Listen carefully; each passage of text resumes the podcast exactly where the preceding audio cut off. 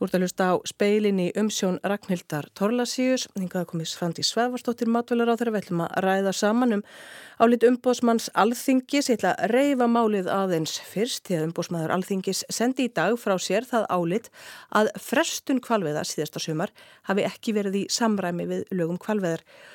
Og rauðum upp, matvælarstofnun, MAST, sendi frá sér skýrslu 8. mægi fyrra og hún var um makt gaggrínin á vinnubröði kvalveðar en í henni kom fram að kvalveðir á árinu 2022 hefðu ekki brotið lögum velferð dýra þannig að það kæmi vekk fyrir veiðar á vertiðinni 2023. Mast ákvaða fela fagráði um velferð dýra að fari við gögn og meta hvort að veiðar á stórkvelum geti yfir höfuð uppfyllt markmiðlaga um velferð dýra en það eru ekki sagt, lögum kvalveiðar. Á fagráðum velferð dýra skilaði sínu áliti 16. júni og þar kom fram að það uh, hefðu verið miklir ágallar á veiðum stórkvela sumarið áður og að öllum líkindum hefði svo verið á öðrum vertíðum. Neiðurstaða fagrásum velferð dýra var svo að veiði aðferð sem beitt er við veiðar og stórkvelum samræmist ekki ákveðum, ákveðum um velferð dýra. Og 20. júni í fyrra gaf Svandi Svavarstóttir matvælar á þrótt reglugerðum frestun á veiðum langreiða til 1. september en þá er veiði tímabilið svona að jafnaði á lokametrónum og þetta var bara daginn áður en veðitíma bilið átt að hefjast. Og umbúsmaður alþingis telur að þessi reglugjörð sem að Svandi Svavarsdóttir matvalar á þeirra setti hafi ekki átt nægilega skýra lagastóð og um, það hafi heldur ekki verið gætt að kröfum stjórnsýslu réttar um meðalhóf.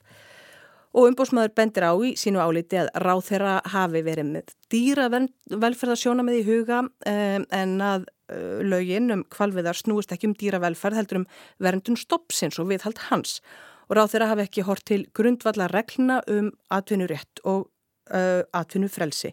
Og Svandís Svársdóttir er komin hingað í hljóðverð. Velkomin, Svandís. Uh, Svandís, þú hefur verið í þessu ráði neiti frá 2021 og ef þú vilt stoppa kvalviðar, af hverju varst ekki bara búin að leggja fram frumvarp um það? Þetta nýrist nú allt saman um það að til að byrja með að sapna saman nægilega mm, greinagóðum gögnum um það hvernig kvalviðarnar færu fram á Íslandi. Við áttum í raun og veru ekki eftirlitstofnanir ráðuneyti uh, stefnumarkandi aðilar stjórnvöld nægilega skýr gögnum það hvernig dýrónum reyti af, hvernig framkvæmdin var og svo framvegist þannig að mitt fyrsta skref í því að ná betur utanum það hvernig þessi uh, atvinnugrein virkar á Íslandi var að gera uh, nýjar reglur um það að uh, þessum gagnum er því sapnað mm. og að það er því þá grundvöldur til þess að meta Uh, á grundvelli gagna uh, hvernig uh, framkvæmdinn væri og, og þar hefðum við grunn til að taka ákvarðanir á, í samræmið við gildandi lög. Þannig að mm. það var í raun og veru staðan. Uh, síðan, náttúrulega, þú ert náttúrulega búin að rekja hérna aðdraðandan og, og, og það viðfánsefni sem við stöndum fram með fyrir í dag og, og álit umbóðsmann sem að, sem að þú ert búin að reyfa hérna í, í þínum ingangi. En það sem að mér finnst skipta þar bara gríðarlega miklu máli er að staðan sem að er komin upp sem sagt 19. júni er algjörlega fordamalus. Eh, það er að segja að það er komin upp svo staða eh, að fagráðið telur að það sé ekki hægt að stunda veðarnar í samræmi við gildandi dýravelferðalög. Mér var þá ekki stækt á því, það var mitt mat sem ráðherra sem ber ábyrð á dýravelferð að taka aðra ákvörðun á þessum tímapunkti að því að stundum hefur verið fjallað um það að þarna sé uh, óþarlega stuttur fyrirvari og umbóðsmaður gerir sannarlega mm. aðtöðasemtir við málsmaðurinn að þessu leiti. Þetta er mjög skammur tími fyrirvari fyrir fyrirtæki og starfsfólki sem starfa þar. Mér finnst hins vegar ekki hægt að líta fram hjá því að málið, þar að segja hvernig málið blasti við mér þegar að niðurstaða fagrar uh, lág fyrir að þá stóð ég fram með fyrir því að ef að veiðarnar myndu hefjast á óbreyttu á allra næstu dögum, veiðar sem fagrað og matalstofnun taldi ekki standast lögum velferð dýra, að þá bæri ég ábyrð á því.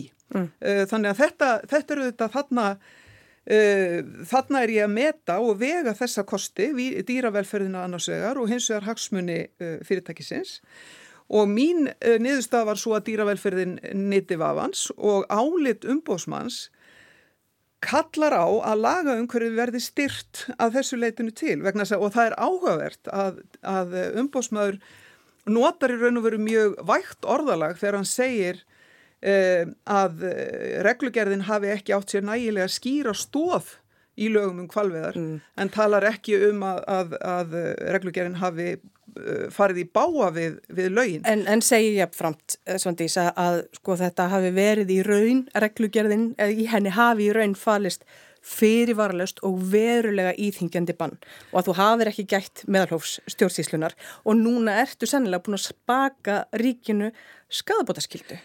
Já, það er að mínu mati, hér eftir sem hinga til, ekki tægt að við búum við það lagaumkörfi að það sé hægt að stunda veiðar þar sem ekki er farið á dýravelferðarlögum.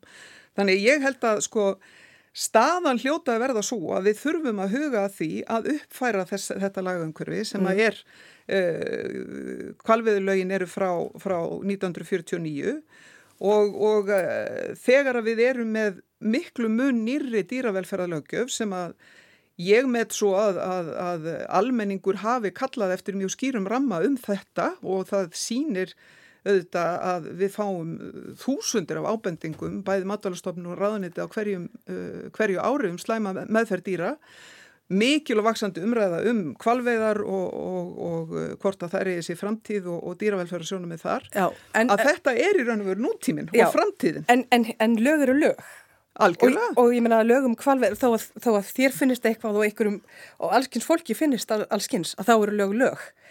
Og en við hjóttum að þurfa að fylgja þeim hvort sem við erum ráð þeirra eða Algjörlega, en það, en það sem að, já, já, nákvæmlega. En, en, að, en það þýðir, ég, ég átti með á því að þú ert að tala um það, það þurfa að breyta þessum lögum. Nú mm -hmm. er búið að spurja þig hvort það sé ekki ástæða fyrir þig til að segja af þér mm -hmm og þú ert búin að segja nei, af hverju ekki? Ég meina, hvað þarf til að uh, ráð þeirra sem brjóti lög segja af sér? Þetta er ekki lögbrót. Það er algjörlega hreinu uh, og það skiptir mjög miklu máli að nota rétt orðalag í þessum efnum. Þegar við erum að tala um uh, það að ekki sé nægilega skýr stóð í lögum, þá er það töluvert annað orðalag heldur en brotalögum. Og hafi ekki gætt meðalhófs stjórnsýslu réttar. Það er ekki lögbrot og það skiptir máli í þessum útvarstætti hér að það sé ekki farið að lett út með orðalagið að brjóta lög. Það finnst mér. Mm. Finnst það mjög mikilvægt. Og sérstaklega þegar við erum að ræða mála þessu tægi. En þú spyrir mig um afsögn og, og við skulum bara he, svara því. Uh, að mínum mati er ekki tilefni til þess.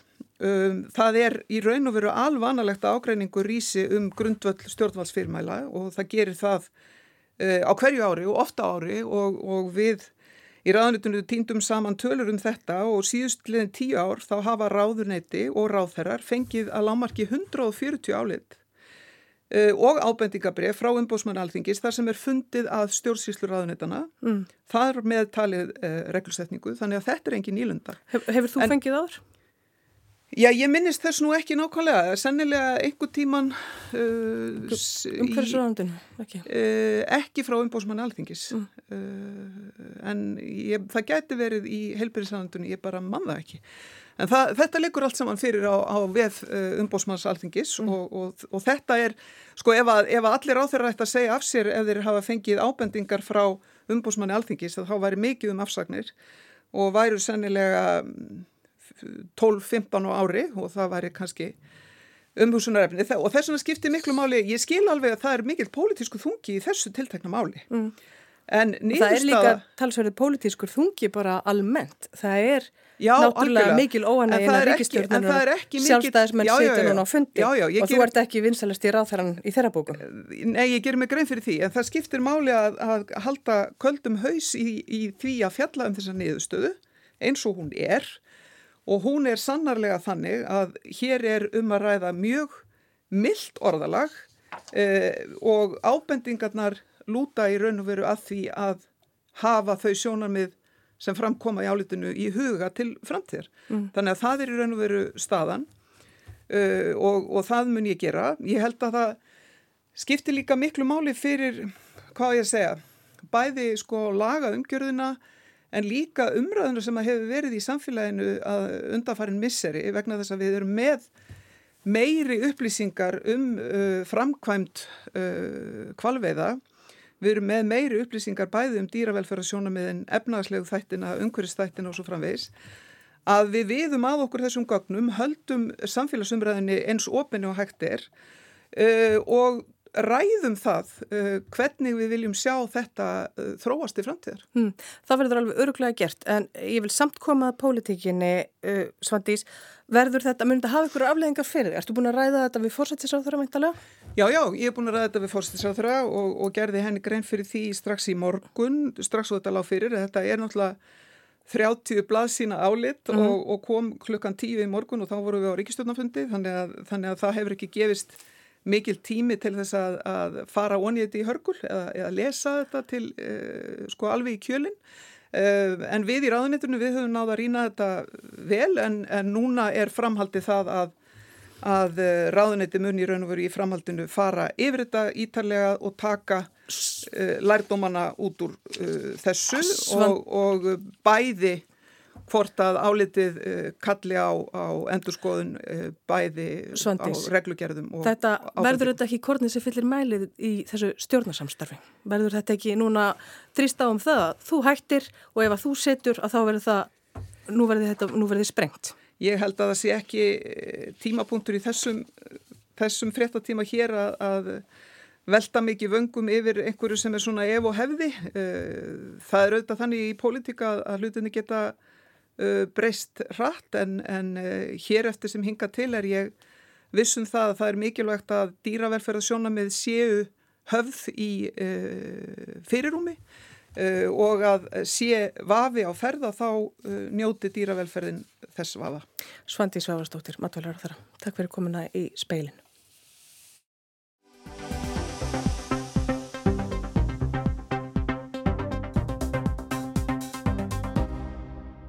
Ójöfnuður í ráðstofunatekjum jógst talsvert í Reykjavík á útrásar árunum en drost svo snarlega saman strax í kjölfar hundsins. Hann jógst svo lítilega aftur millir árana 2010 og 2022 en þó minna en ætlamætti af þjóðfélags umræðinni. Þetta er á meðal þess sem kemur fram í nýri rannsók sem Kolbeinn Holmar Stefánsson vann fyrir Reykjavíkuborg. Rannsóknin sem ber yfirskriftina félagslegt landslægi Reykjavík markar ákveðin tíma móta að því leiti, segir Kolbeinn, að í henni er að finna nýjar upplýsingar um Íslands samfélag sem ekki hafa sést fyrr, þar á meðal ímislegt sem enn hafi ekki haft skýra mynd af áður. Fyrir að fyrsta þá hefur ójöfnur eftir hrun allavega í Reykjavík ekki aukist eh, sérstaklega mikið. Það verður svona hægfara þróun upp af við en ekkert svona í líking við það sem maður heyri stundum í þjóðmálumræðinni. Uh, hins vegar kannski er það sem er uh, áhugavert í þessu er að svona landfræðileg byrtingamind ójöfnurins hún er að verða skýrari. Það er að segja að staðafólks, fjárstafólks er farin að ráða miklu meira um búsið þeirra og við sjáum það til dæmis annars vegar innan Reykjavíkur þá uh, er aðgreiningi búsetu sérstaklega láttekjufólks frá millitekju og hátekjufólki að verða meiri þannig að það er auknumæli láttekjufólk býr í kringum annar láttekjufólk. Þetta er ekki ennþá orðið þannig að þetta var eitthvað sem myndum við segja þessi krítist en þróun hefur verið uh, töluvert lengi þannig að þetta er kannski eitthvað sem er komin ástæðins að skoða hvort þetta sé endilega vefferðin sem við viljum halda áfram á. Eh, hitt sem að skiptir svo máli er samspil Reykjavíkur og Stór Reykjavíkursvæðisins við uh, sveitafélagin í kring. Því að, að það er ekki að tala um það að það hefur endilega verið beint flótt í látíki fólks frá Reykjavík. En það sem við sé gerist kannski er það að til dæmis einstæðar fóröldrar og öryrkjar er í auknum mæli að leita í sveitafélagin í kringum Stór Reykjavíkursvæðið en á sama tíma þá eru að koma innfylgjendur sem að fylla í þau skörð sem að þeir skilja eftir. Þannig að það er að verða svona breyting á samsynningu látökjuhópana sem sagt á mismundi svaða. Skilin millir hverfa er að verða skarpari og aðgreining látökjufólks og hátökjufólks að verða meiri, segir Kolbeinn. En erfitt er að segja hvena svo þróun byrjar en það nær rannsóknin aðeins aftur til aldamóta og ekki ólíklegt að þróunin nái lengra aftur. Til að jafna tekjudreyfingu í hverfum borgarinnar hefðu um 15% íbúa þurft að flytja á milli hverfa um aldamótin en 2020 var hlutfallið farið að nálgast 25%. Ef þetta heldur áfram að söpu róli þá er við kannski komin upp í já, 30% við eh, 2030 Uh, ef það er raunin þá eru komin á stað þar sem að, að aðvörunarbyrlur er farin að ringja, þá eru farin að mynda kannski fátækra hverfi í einhverjum svona skilningi sem við þekkjum frá Erlendinborgum. Nú talar um þennan ójöfnuð, hvað eru við að tala um í, í því sambandi? Uh, við getum hugsað um ójöfnuð á margan hátt. Uh, í grunninn þá kannski hugsaðum við oft um bara tekjur dreifinguna frá legstu upp í eftir tekjur en ójefnur hefur margar aðra byrtingamyndir og þess saman ekki skiptir máli þessi landfræðilega byrtingamynd og ástæðan fyrir því að við ættum að hafa áhyggjur af því að það sé að vera aðskilnaður í bústumminstrum mismundi tekjópa er kannski tvíþættur. Annars verð það að ef að fólk er ekki samskiptum eða tengslu með fólk sem er á öðrum stað í tekjutrengunni þá mingar þessi samkend og skilningur aðstæðum annara á milli hópa. Eh, hitt sem er að þegar fólk sem býru fátækt býr á auki í umhverfi þar sem að, að flesta þýr kringu það búa líka af fátækt. Það sem gerist þá er að það verður svona tvöföld fátækt sem fólk býr við. Það hefur afleikar bæðið svona einfjárástöðu en líka umhverfi sem það býr í. Þannig að, að bandarskarðansonir hafa sínt okkur það að, að hverfis áhrif svo kallið er ekkert minni áhrifaldur heldur en, en fjárástöða einstaklinga. Að þú ert betur sett sem einstaklingur til dæmis með lágategjur í millitegju hverfi heldur nú er því lágtegju hverfi því að það er allt annað sem fylgir því að þessar samsöfnun fátæktar eh, sem að hefur áhrif á heilsu, hefur áhrif á aturintækifæri, hefur áhrif á mentunum möguleika, barnanamanns og svo framvegis. Hver er svona helsta byrtingamyndin í samfélaginu af þessum ójöfniði? Uh, á þessum tímapunkti þá myndi ég segja að við sem ennþá tiltölulega góðum stað uh, þó að þróunin sé kannski að það ráttur en en uh, ef við skoðum bara þjóðmálumræðina, þjóðmálumræðina hefur að mörguleiti harna. Það er oft, hefur maður tilfinningan að sé svona vaksandi skillingsleysi hópa á aðstæðan hverja annara. Þannig að eitt af því sem kannski gæti verið vísbendinga aflegginga þessara þróun er það sem við sjáum kannski sérstaklega mikið á samfélagsmiðlum þessi, þessi tilheng til þess að hlutinu fara alltaf í ykkur átaka umræði, frekar heldur en uh, meira upplýsandi umræði. Eitt af því sem rannsóknin leiti í ljós er að það sem kallað er rótgrónir látteikjuhópar, svo sem fjölskyldur einstæðra foreldra, öryrkjar og annað fólk sem fær skattskildar greiðslur frá tryggingastofnun, leiti í auknum mæli út fyrir Reykjavík og þá engum til nágranna sveitarfélaga utan höfuborgarsvæðisins. Þar vegi fjárhagur fólks lang þingst. Ört og mikið hækkandi húsnæðisverð á höfuborgarsvæðinu gerir fólki með lágar tekjur erfiðara og erfiðara að komast inn á húsnæðismarkaðin þar. Svo kannski skiptir líka máli að vera með hlutild og hlutildalánin eh, sem eru háð ákveðinu skilirðum. Um, mjög lítið á húsnæði í Stórvíkjusæðinu mætir þeim skilirðum þannig að það skapast ákveðin þrýsting fyrir fólk sem vil komast inn á húsnæðismarkaðin til þess, og sérstaklega ef það hefur ekki bólmægt til þess að, að fara hefðbunari leiðir. Eða notar hlutillanum þá skapast það er raun og tækverð að komast í húsnaði að liggja utan stórreikjum Kolbett segir að hafa verið í huga að Ísland sé þegar á allt er litið með betri samfélögum sem í bóði eru Það breytir því þó ekki að enn séu upp í ímisvandamál sem leysa þarf. Ég held að kannski stóra atriðið sé að reyna að finna leiðir til þess að tryggja betri blöndum byggðar. Ekki að þann hátt endilega við viljum flytja inn mikið af hátökju fólkin í látökju svæði, slíkt eh, þekkt sem heldurnaferli sem að yfirleitt hjálpar ekki fólkinu, látökju fólkinu, heldur riðið út úr hverfinu. Eh, heldur við þurfum líka að vinna með það að skapa betri tækifæri fyrir fólk. Eh, þetta hangir saman með til dæmis fjölgun innflytninda eh, og við þurfum að tryggja það að innflytnindu sem setjast að á Íslandi að þeir njóti sömu tækifæri og aðrir íbúa landsins. Var eitthvað svona sem að slóði eða kom þið svona óvart í þessum niðurstöðum? Það er kannski tvent. Aðraröndin er það að ójöfnur hafi aukist miklu minni en ég átti von á almenn. Eh, hitt var svo kannski þetta minnstur sem við sjáum á milli Stórreikjörgarsæðisins og nærleikita sveitafélag og sérstaklega niður á, á söðunisunum eh, þessi tilflutningur fólki þar á milli eh, og sem drjóðt á því fram hvað þetta er orðið samhangandi svæði að, að það sem gerist á einu stað sérstaklega í Reykjavík hefur áhrif á öll önnu sveitafélagi kring. Saði Kolbeitt Stefánsson í viðtali við Erlu Marju Davísdóttir. Dóttur Ævararn Jósefsson tók saman. Fleira er ekki í speiklinum, tæknum maður var Kormakur Marðarsson, verðið sæl.